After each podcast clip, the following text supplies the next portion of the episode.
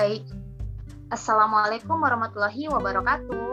Halo bunda-bunda, ketemu lagi di podcast Kanak minggu ini. Apa kabarnya nih? Sehat? Untuk podcast kali ini, bunda-bunda akan ditemenin sama saya, Andini, temannya Minka yang biasa menyapa bunda-bunda loh. Oh iya, podcast kali ini akan menyuguhkan sesuatu yang berbeda dari minggu lalu dan pastinya tak kalah menarik. Yap, hari ini kita akan bincang-bincang seputar entrepreneurship atau kewirausahaan untuk anak. Hmm, kalau berbicara soal entrepreneurship, apa sih yang ada di pikiran bunda-bunda? Jualan, untuk rugi, atau apa nih? Nah, kata orang, menjadi entrepreneur itu bukan hanya bermodalkan uang, tapi juga mental yang kuat. Banyak juga yang bilang menjadi entrepreneur itu sulit loh, apalagi kalau mengajak anak. Tapi, masa sih? Nah, adanya podcast ini akan menjawab pertanyaan-pertanyaan tersebut. Bukan hanya itu, podcast ini juga akan membeberkan kepada bunda-bunda semua apa saja sih yang perlu dilakukan untuk mengajak anak berwirausaha. Tentunya hal-hal tersebut akan kita dengarkan langsung nih dari ahlinya. Nah, di sini sudah ada salah satu narasumber yang sudah malang melintang di dunia entrepreneurship. Ada Bu Eka Andrian di sini. Halo Ibu Eka. Halo Mbak Apri. Sehat Ibu? Alhamdulillah.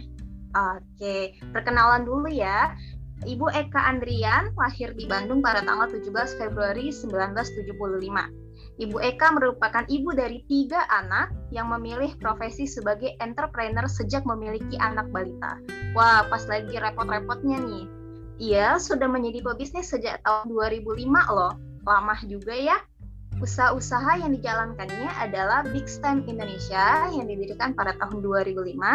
Kemudian ada Silver Stem yang juga didirikan pada tahun 2005. Ada Kaos Gurita yang didirikan tahun 2006 Kemudian ada Stempel Express pada tahun 2010, Daster Bahenol, ini unik ya namanya, yang didirikan pada tahun 2018, dan Nyonya-Nyonya Indonesia Handmade pada tahun 2018. Beliau juga merupakan seorang YouTuber dan travel blogger lewat blog ekapunyacerita.com. Nah, yang lebih menarik lagi, Ibu Eka ini ternyata juga menulis buku loh, Judulnya Silakan Beli, terbitan dari Kanak. Bukunya ditulis oleh Ibu Eka bersama dengan Ibu Rosi Melani, berisi tentang tahapan-tahapan menjadi seorang entrepreneur cilik. Mulai dari membangun pola pikir dan motivasi, menentukan bisnis, menetapkan pasar, menghitung biaya, dan sebagainya. Buku ini dikemas dengan penceritaan dan ilustrasi yang sangat menarik. Nah, langsung saja karena sudah ada Bu Eka di sini, kita mulai bincang-bincangnya. Halo Ibu Eka, masih di sana? Iya, masih Teh. Oke. Nah, uh, saya tanya nih, Ibu sekarang kegiatannya apa aja sih? Oh iya, uh, ini saat ini selain tetap sebagai ibu rumah tangga, saya juga lagi membuka sebuah bisnis baru yang terinspirasi karena pandemi kemarin. Jadi oh. saat pandemi kemarin kan kita nggak bisa ke mana-mana ya. Ada PSBB yang PSBB-nya teh uh, apa uh, beberapa tahap, beberapa kali sehingga nyaris semua kegiatan di luar kan tidak ada gitu. Nah saat lagi rebahan gitu kepikir pengen nyoba bisnis apa ya yang bisa saya kerjakan dari rumah karena otomatis kita sekeluarga itu hampir 24 jam di rumah akhirnya uh, sekitar antara periode Mei, Juni, Juli, Agustus itu saya mencoba-coba bisnis yang dari rumah yang namanya petik organik atau juga petik pasar online. Nah, sekarang itu akhirnya alhamdulillah udah berjalan dan sudah punya eh, pangsa pasar yang sedang terus dijajaki dan produknya adalah ayam organik gitu. Jadi oh. kegiatan sekarang nyaris tiap harinya masih ngurusin itu, masih ngurusin ayam. Jadi apa ya namanya saya jadi tukang ayam. Wah tukang ayam tapi keren loh tetap jadi nggak cuman motong-motong seperti di pasar tapi juga menjadi bisnis yang menarik ya bu sebenarnya iya iya alhamdulillah uh, selain petik organik usaha yang lagi jalanin apa aja bu um, yang percetakan yang Big Stem itu masih dan Big Stem ini kemarin berulang tahun yang ke-16 tahun. Wah, lumayan lama ya. Iya, alhamdulillah dan waktu awal pandemi saya sempat sempat pesimis karena kita nggak tahu akan bisa bertahan nggak nih ada pandemi ini gitu ya. Ternyata alhamdulillah semuanya bisa berjalan. Uh, walaupun kita ada aturan-aturan yang harus kita ikuti, uh, aturan-aturan tentang apa uh, protokol dan sebagainya harus kita ikutin tapi alhamdulillah pelayanan kepada pelanggan tetap baik terus pelanggan juga tetap mengalir tetap memesan. Itu pertanda bahwa bisnis-bisnis lain tetap baik. Kalau sekarang kan kayaknya uh, bisnis bisnis mana sih yang nggak terdampak pandemi ya kan begitu tapi kayaknya Big Stem bisa berjalan dengan uh, alhamdulillah ya Bu. Ya, bisnis percetakan yang tadinya uh, saya khawatirkan akan uh, bisa apa ya istilahnya uh, zaman Krismon dulu kan bisnis-bisnis pada rontok ya. Tadinya saya juga sudah pesimis dan ah akhirnya saya harus menghadapi kenyataan pahit. Mungkin bisnis saya akan rontok. Tapi ternyata alhamdulillah gitu masih bisa bertahan. Walaupun dulu sempat ada penutupan karena PSBB dan lain-lain tapi karena uh, ternyata saat pandemi pun banyak bisnis yang bermunculan banyak bisnis yang membutuhkan plang membutuhkan stempel membutuhkan brosur. Akhirnya itu tetap efeknya jadi bisnis percetakan pun tetap berjalan gitu jadi sesuatu yang saya baru saja alami yang tadinya nggak disangka juga bisa bertahan dengan cara apa ternyata oh caranya adalah memang jadi saling ini ya saling terkait dengan bisnis-bisnis lainnya gitu. Ya, yang penting pintar mengambil kesempatan sebenarnya ya Bu kalau bisnis ini. Iya, dan dan da dalam kondisi pandemi ada rasa takut kan bahwa iya. oh nanti ini apa kita ter, terpapar atau gimana kalau kita berhubungan dengan orang lain. Tapi yeah. sebenarnya kalau kita patuhi protokol, kita jaga imun kita juga gitu, ya jangan stres yang utama kan, jangan stres. Ya akhirnya sampai hari ini kami alhamdulillah baik-baik aja. Alhamdulillah. Begitupun pendengar podcast ini semoga baik-baik saja di mana pun berada. Ya. Iya, amin. Amin. Nah, uh, kita kita ke bukunya Ibu dan uh, dan bukunya Ibu Rosi Melani. Nah, ya. uh, buku silakan beli ini menurut saya menarik banget karena langsung uh, juga ada pengalaman-pengalaman dari penulisnya sendiri. Nah, Ibu sendiri sih uh, bagaimana sih awalnya bisa terinspirasi untuk menulis buku silakan beli ini? Oh iya awalnya eh, kalau keinginan menulis tuh memang saya kadang ingin. Cuman eh, untuk memulai itu memang berat banget ya. Kadang banyak dikalahkan oleh hal-hal lain. Karena menulis itu betul-betul harus harus diam nggak boleh diganggu kayak gitu ya. Nah banyak kan sih nanti ya nanti gitu. Akhirnya waktu itu Teh Rosi duluan yang ngajak gitu. Teh Rosi ngajak saya nulis karena saya suka ngeblog, jadi ya udahlah uh, diterusin dalam bentuk buku, tapi isinya tentang bisnis. Uh, Teh Rosi ngajakin saya karena Teh Rosi juga pernah berbisnis dan saya memang dunianya sekarang adalah dunia bisnis. Terus saya juga uh, waktu itu sempat ngelatih anak saya untuk belajar bisnis sejak SMP. Jadi jadi Terosi pikir saya adalah orang yang orang yang tahu eh, apa namanya ngalamin gitu ya. Ngalamin bukan sekedar teori tapi betul-betul ngalamin gimana e, caranya mendidik anak biar punya jiwa entrepreneurship. Uh. jadi akhirnya kami sepakati untuk menyusun bab-babnya terus menyusun isinya. Uh, kami bagi tugas uh, saya nulis di bab mana nanti Teh Rosi di bab mana nanti tukeran tukeran babnya nanti kami lengkapi atau kami koreksi yang seperti itu. Dan ini ditulisnya antar dua negara yang waktu untuk diskusinya tuh susah. Teh Rosi iya, kan betul. di Inggris ya. Teh Rosi iya, di Inggris, kalau... saya di Bandung. Nah, jam jam saya mood nulis itu di jam-jam sekian sebelum zuhur itu enak buat nulis. Sedangkan hmm. di Inggris ini masih dini hari. Iya, betul. Kalau kami iya, mau iya. janjian untuk uh, video call atau janjian untuk telepon aja itu susah banget karena di hmm. saat Teh Rosi pagi pagi hari lagi mood nulis, sayanya udah capek, udah sore. Oh, iya, di iya saat iya. saya mood nulis, Teh Rosi masih tidur. Nah itu unik unik banget buku ini prosesnya gitu. Tapi alhamdulillah ya dengan segala keterbatasan kita bisa akhirnya bisa mengeluarkan tulisan ini yang mudah-mudahan bisa dapat manfaat buat yang membaca gitu. Terutama buat orang tua ya. Karena kalau bisnis anak itu betul-betul harus dibimbing sebenarnya sama orang tua atau orang dewasa yang ada di sekitar dia. Iya iya betul. Berapa lama sih bu uh, buku ini selesai dikerjakan? Bersama dalam dua negara ini ya? Memang agak susah sih susah dikoordinasi mungkin iya. Kalau nggak salah antara 3 sampai enam bulan kalau nggak salah saya lupa lagi persisnya.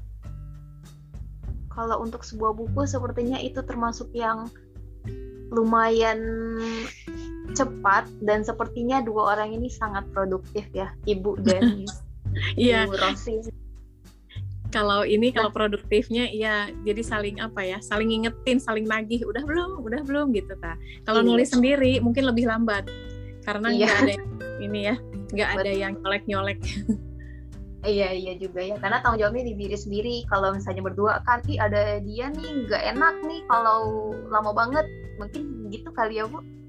Iya. Hmm. jadi uh, ah nggak ada target tapi kalau ada temen itu jadi ada target. Dia dia mau nulis kalau kita ngehambat nggak enak jadi harus kita ikutin ritmenya hmm. gitu hmm. Uh, tujuannya ibu dan ibu Rosi itu awalnya apa sih kenapa memilih entrepreneurship untuk anak gitu? Uh, itu kayaknya uh, Teh Rosi sama Mas Imran udah saling kenal, jadi kayaknya mereka sebelumnya ngobrol-ngobrol dulu tentang tentang buku anak dan mungkin uh, ada peluang untuk menulis buku tentang bisnis yang belum belum banyak dikupas oleh orang lain ya. Jadi iya. kayaknya sih dari situ gitu. Jadi saya diajak pada saat Teh Rosi sama Mas Imran yang dari Kanak itu uh, udah ngobrol-ngobrol duluan. Hmm, iya sih, iya iya. iya. Baru kemudian uh, mengajak ibu untuk menulis biar apa namanya biar makin klop ya karena sudah ada pengalamannya juga begitu ya bu. Iya betul. Jadi apa ada ada teman sharing mungkin ya. Nah, uh, kalau ngomongin wirausaha sekarang kan banyak tuh taktiknya, taktik marketingnya juga. Salah satunya memanfaatkan media sosial untuk marketing atau pemasarannya. Nah, berhubungan dengan uh, entrepreneurship anak, gimana ya cara anak memanfaatkan media sosial di era digital sedangkan mereka belum cukup umur gitu. Berarti apa sih triknya orang tua untuk tetap bisa memanfaatkan media sosial untuk uh, kewirausahaannya dengan anak, tapi tidak membuat anak sampai kebablasan seperti itu. Bagaimana sih, Bu? Oh iya, memang uh, media sosial ini uh, harus dipegang berdua ya. Uh, dipegang anak buat supaya mereka belajar dan orang tua yang jadi pengontrol. Nah ini tuh uh, apa namanya? uh, saya juga menjalankan ini pada saat saya melatih anak saya untuk uh, berbisnis. Jadi anak saya sekarang kelas 3 SMA. Waktu dia kelas 1 SMP itu artinya enam tahun lalu itu tuh saya latih untuk mulai berbisnis pakai Instagram. Dan berarti mulai ya. dari berarti dia mulai diajari untuk berbisnis dari SMP kelas 1 ya, Bu? Iya. Idealnya Dan, itu umur berapa kalau untuk anak? um, sebenarnya nggak ada nggak ada patokan karena uh, anak yang SD pun sebenarnya kalau dia sudah muncul minatnya bisa diajari. Cuman ah.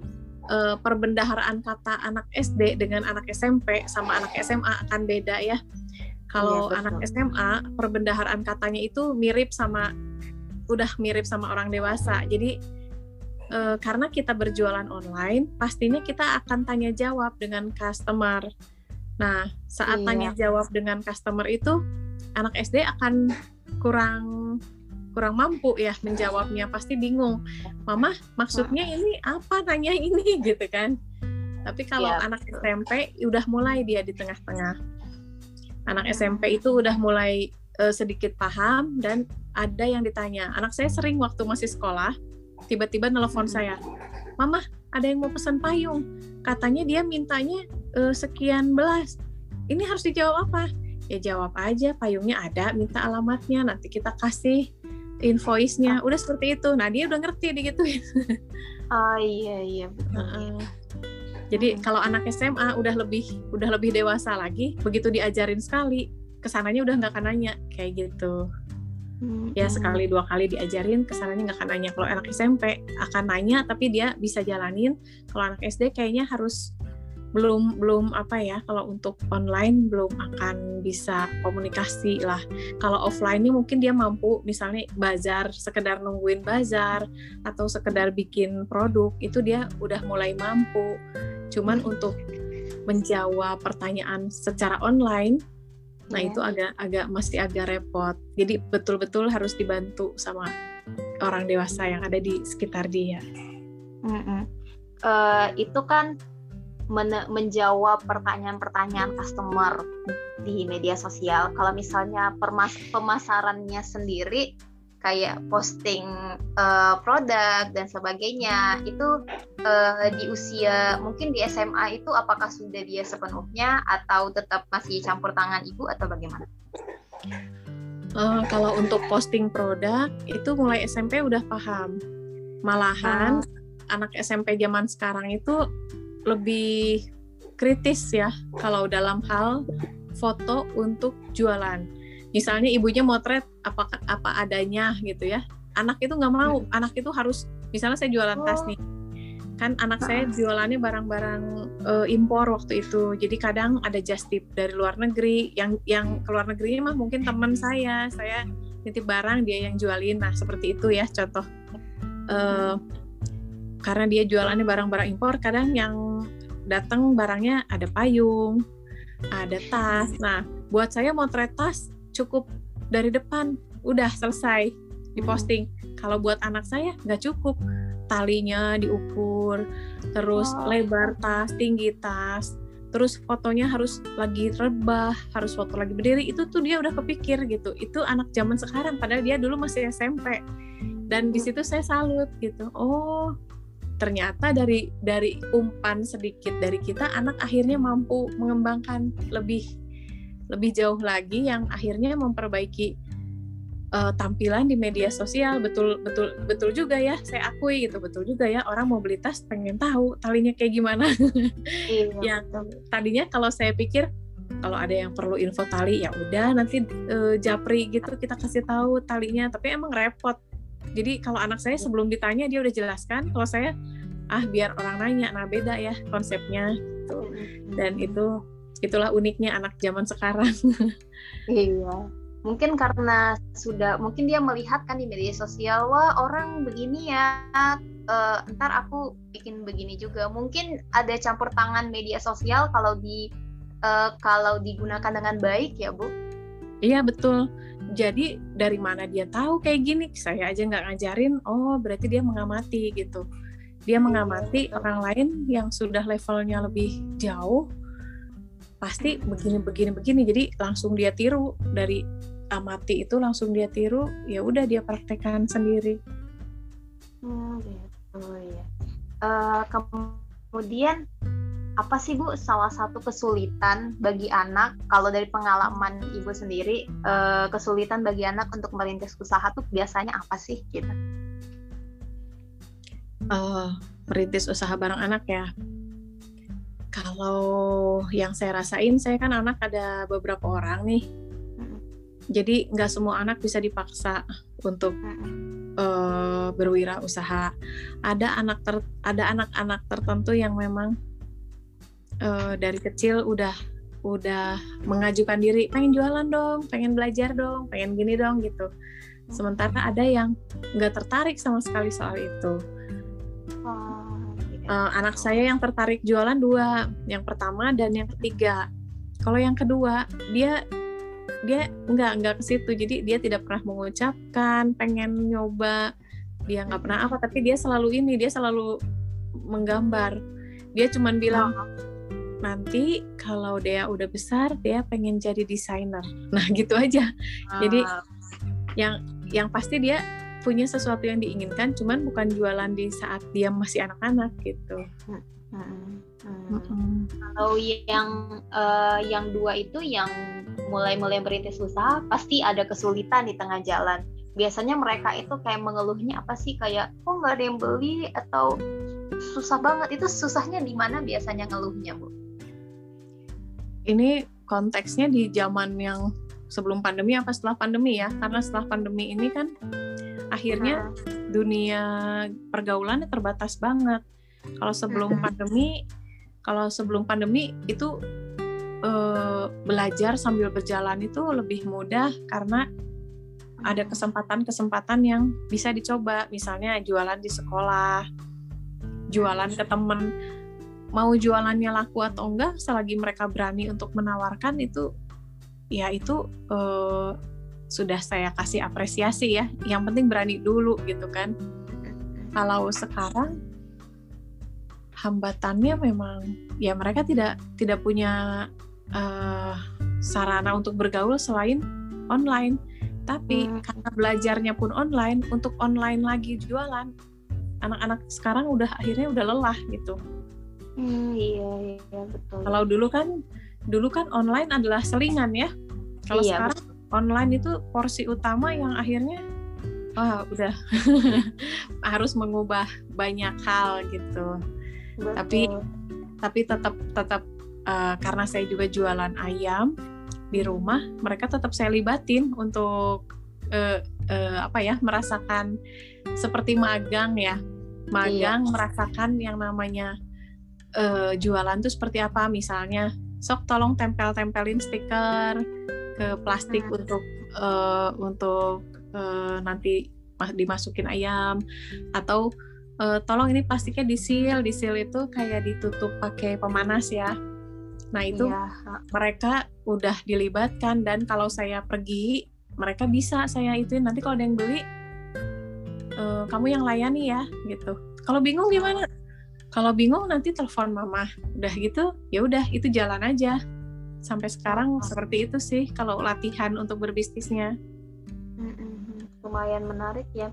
Uh, kalau sekarang kan mereka sudah besar ya. Sudah kalau diarahkan sedikit apa yang tidak tahu dalam usaha mungkin sudah lebih enak. Kalau dulu awal-awal uh, bagaimana sih bu uh, mengajak anak untuk merintis usaha? Mungkin ini juga bisa dicontoh oleh orang tua lain untuk mengajak anaknya berwirausaha. Uh, kalau saya biasanya pancingnya dengan gini, misalnya mereka butuh sesuatu, uh, saya bilang kalau kalau kebutuhannya tuh di luar di luar kebiasaan atau sesuatu barang yang mahal, saya bilang kamu belajar cari uang kalau pengen yang mahal, jadi nanti kamu punya tabungan gitu.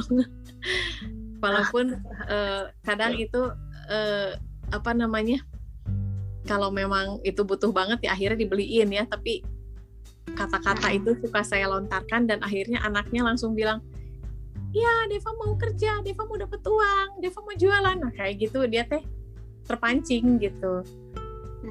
Jadi uh, saya berikan konsep bahwa sesuatu didapatkan harus dengan uh, ikhtiar dulu dengan upaya dulu bukan instan gitu nah biasanya dari situ uh, walaupun mereka nggak langsung berjualan misalnya SD nih nggak langsung jualan dagang tapi saya kasih tanggung jawab yang bisa dia kerjakan dan ya udah nanti jadi uh, istilahnya ada upah untuk ditabung. Nanti kalau udah banyak kamu boleh beli yang kamu mau. Contohnya seperti itu. Hmm, mungkin uh, apa ya konsep bahwa kebanggaan tersendiri bisa punya barang hasil kerja keras sendiri itu juga jadi memotivasi mereka ya bu ya? Mm betul. Ya uh, kalau menurut ibu sendiri gimana sih sebaiknya membiarkan anak menjalankan usaha sendiri atau ikut andil membantu? Dan jika ikut andil membantu seberapa banyak atau berapa persen sih ya, seharusnya gitu? Uh, karena karena uh, kalau masih anak-anak itu selagi orang tuanya bisa membiayai sih tugas utamanya memang belajar hmm. jadi porsinya uh, menyesuaikan dengan waktu luang. Jadi mereka harus punya waktu buat santai, mereka juga punya waktu buat belajar dan waktu kerja itu dari waktu santainya itu diambil sebagian gitu. Bisa sebagian dalam bentuk uh, beberapa hari dalam seminggu, bisa sebagian dalam bentuk beberapa jam dalam sehari. Itu tergantung kita bersepakat dengan anak tersebut. Yang pasti kita nggak mau anak kelelahan sampai tugas-tugas sekolahnya terbengkalai. Jadi harus sama-sama bisa jalan deh gitu. Tapi kalau ada anak yang memang udah lancar nih, udah dilatih, udah lancar, saya cuman tinggal bilang, hmm, tolong nanti itu ya uh, dikerjain uh, persiapan untuk yang pesan. Itu. Oh iya, untuk kapan ini mah untuk besok. Oh iya. Nggak harus sekarang kan? Nggak nggak apa-apa sok aja atur waktu. Dia akan ngatur waktu dan betul gitu. Pokoknya pas besoknya udah siap gitu. Berarti manajemen waktunya juga diajarkan seperti itu ya. ya jangan sampai mengganggu kewajiban apalagi kewajiban belajar karena dia kan utamanya belajar ya. Iya betul. Kemudian uh, wirausaha atau entrepreneur ini kan bukan hanya tentang kita punya produk uh, orang beli kemudian kita dapat uang. Ada lagi yang selanjutnya kan yaitu pengelolaan uangnya atau pengelolaan yeah. penghasilannya. Nah uh, mungkin konsep uang ini agak sedikit uh, rumit ya untuk dijelaskan uh, oleh apa dijelaskan ke anak di usia tertentu nah uh, ibu sendiri di usia berapa sudah mulai menjelaskan profit dan pengelolaan uang dan bagaimana sih menjelaskannya? Uh, yang udah agak paham urusan itu sebenarnya level SMA. Kalau level hmm. SMP diperkenalkan, tapi kita masih banyak tolerannya lah. Maksudnya ya mereka nggak harus saklek-saklek banget. Kalau SD masih agak susah memahami, tapi udah udah mulai diperkenalkan sama istilahnya keuntungan gitu-gitu cuman belum belum nyampe mereka terlalu terlalu detail mikir ke situ gitu kalau yang kalau SMP mereka udah bisa diajak bicara tentang keuntungan uh, cuman kadang semangatnya kan belum kayak orang dewasa yang uh, berusaha itu harus sampai tuntas. Nah, anak SMP itu belum sampai situ kayaknya, tapi masih masih oh iya, sekali sekali semangat, besok-besok mungkin naik turun kayak gitu. Ada naik ada turun. kala uh, ada hmm. kalanya, cuman mereka udah bisa di diperkenalkan dengan uh, ini kamu dari modal segini tuh kamu dapat untung segini. Ini untungnya boleh kamu ambil, modalnya kamu harus belikan lagi. Nah, Contohnya seperti itu. Dulu anak saya pas SMP itu selain dia jualan lewat Instagram, dia juga suka bawa keripik-keripik ke sekolahnya. Jadi oh. saya ajarin kita belanja keripik satu bal dibungkus kecil-kecil, terus dia coba bawa. Nanti dia tuh akan bilang, "Mah, ternyata orang lain tuh mau beli kalau harganya sekian. Kalau harganya oh. sekian orang nggak mau." Oh, gitu. Berarti kita pasar ya, Bu?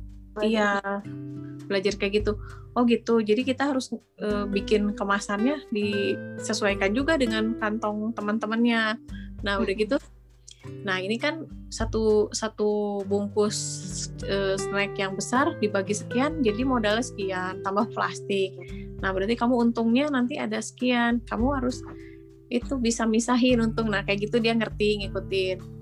Udah gitu suatu hari suatu hari dia itu mah banyak yang pengen uh, uh, disediainnya tuh uh, uh, snacknya tuh ini sekarang tuh lagi ngehits kayak gitu. Oh iya ya jadi tren juga kita ngikutin. Itu itu uh, apa namanya? Uh, bisnis sederhana ala anak-anak ya kayak gitulah. Yang iya, betul, betul. yang ma masih mudah dicerna dan dijangkau oleh mereka. Dan responnya langsung kan kalau emang mm -mm. dia bawa yang lagi ngehits yang teman-temannya juga suka ah itu gampang tuh dan dia juga udah punya kepikiran kalau mau laku harus yang dicari orang nah gitu sambil belajarnya seperti itu iya secara tidak langsung memang bukan hanya belajar uh, pengelolaan uang, tapi juga melihat pasar, peka terhadap kondisi, seperti itu ya kali ya Bu? Iya. Yeah. Mm -hmm. Oke, okay. uh, pertanyaan terakhir nih Bu, uh, bagaimana tip, uh, bagaimana sih tips untuk anak dalam berentrepreneur? Ini bisa dicontoh juga oleh orang-orang tua yang mungkin akan mendengarkan podcast ini nih. Tips untuk orang tua kalau pengen anaknya jadi entrepreneur oh, yang anak, pasti anak juga. Untuk oh. anak juga dalam berwirausaha. Oh untuk anaknya ya.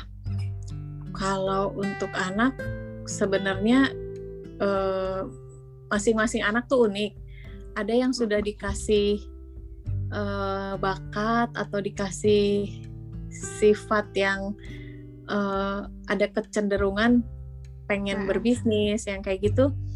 Nah itu uh, keberanian keberanian berbicara terus uh, ide-ide yang bisa dia kerjakan.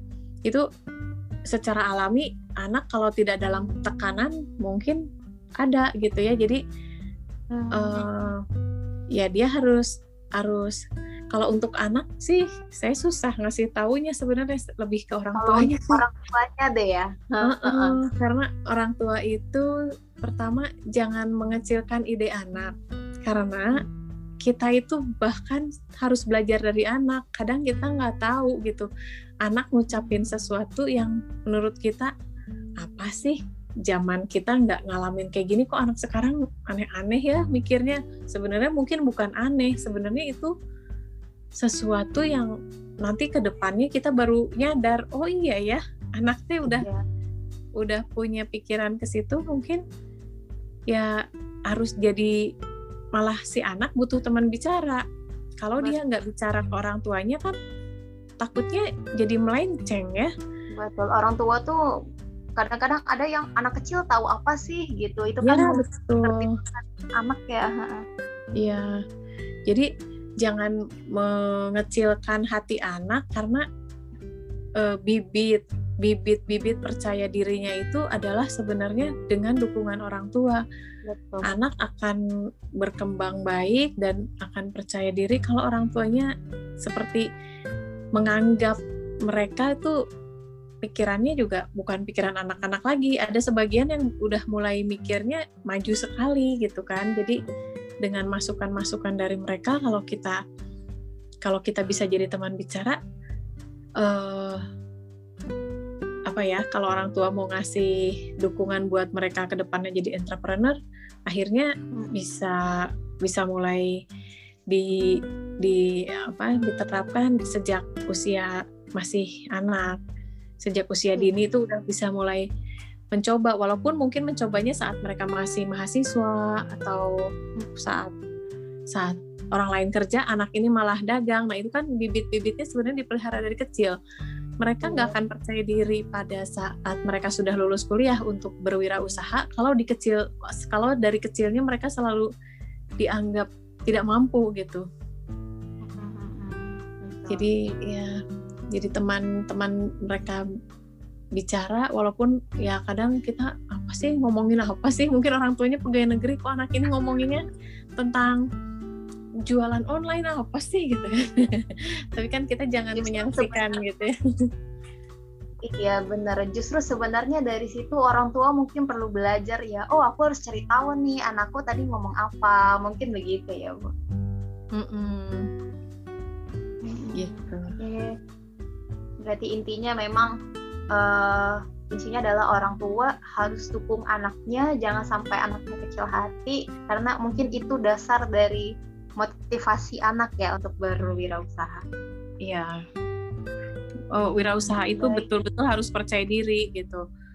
Setiap iya, orang betul. yang memulai jualan saya juga ngalamin ya pertama hari pertama mulai jualan pasti pasti gemeter pasti deg-degan kebayang kalau hmm. anak dari kecilnya selalu tidak tidak ngerasa ada dukungan dia nggak akan pede nggak akan percaya diri untuk memulai sesuatu yang baru gitu Iya, kayak yang tadi juga disebutkan di awal bukan hanya modal uang tapi juga modal modal mental. Jadi kalau mentalnya nggak kuat sulit ya bu.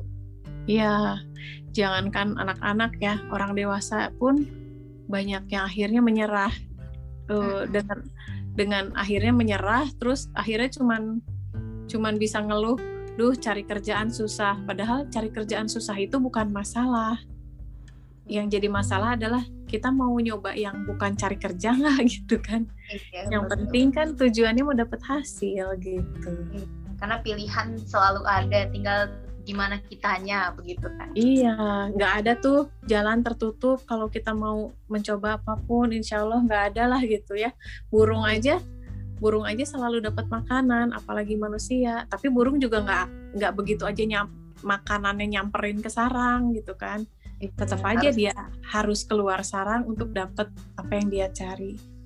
Iya betul. Nah, uh, iya itu tadi bincang-bincang kita bersama Ibu Eka sangat uh, inspiratif kalau menurut saya dan pastinya juga untuk bunda-bunda yang mendengarkan podcast ini. Terima kasih kepada Ibu Eka yang telah menyempatkan waktunya. Semoga bisnisnya sukses selalu. Uh, semoga apa yang dilakukan uh, bisa lancar selalu. Makasih Bu Eka. Sama-sama. Iya. Iya, uh, bunda-bunda yang mendengarkan podcast ini, kalau masih kepo dengan uh, sosok Bu Eka yang inspiratif ini, boleh mengunjungi lapak Bu Eka di Instagramnya @eka_punya_cerita dan juga blognya Bu Eka, ekapunyacerita.com. Nah, bagi bunda-bunda juga yang merasa butuh ilmu lebih lagi nih tentang entrepreneurship anak bersama orang tua, boleh banget nih pesan buku silakan beli di penerbit Kanak. Bisa melalui marketplace Shopee atau Tokopedia di penerbit Kanak atau bisa juga pesan melalui WhatsApp dan kontaknya bisa dilihat di Instagram kita. Nah, dan pastinya buku tersebut akan memberikan ilmu yang lebih dalam lagi dari apa yang disampaikan oleh Ibu Eka tadi. Jangan lupa juga ikuti akun Instagram kita yaitu @penerbitkanak dan channel YouTube kita Penerbit Kanak. Sampai sini dulu podcast kita minggu ini ya. Jangan lupa dengarkan podcast kita minggu depan yang pastinya uh, membawakan tema-tema yang tidak kalah menarik. Tetap jaga kesehatan dengan menerapkan protokol kesehatan dan menjaga kebersihan. Kita pamit dulu. Assalamualaikum warahmatullahi wabarakatuh.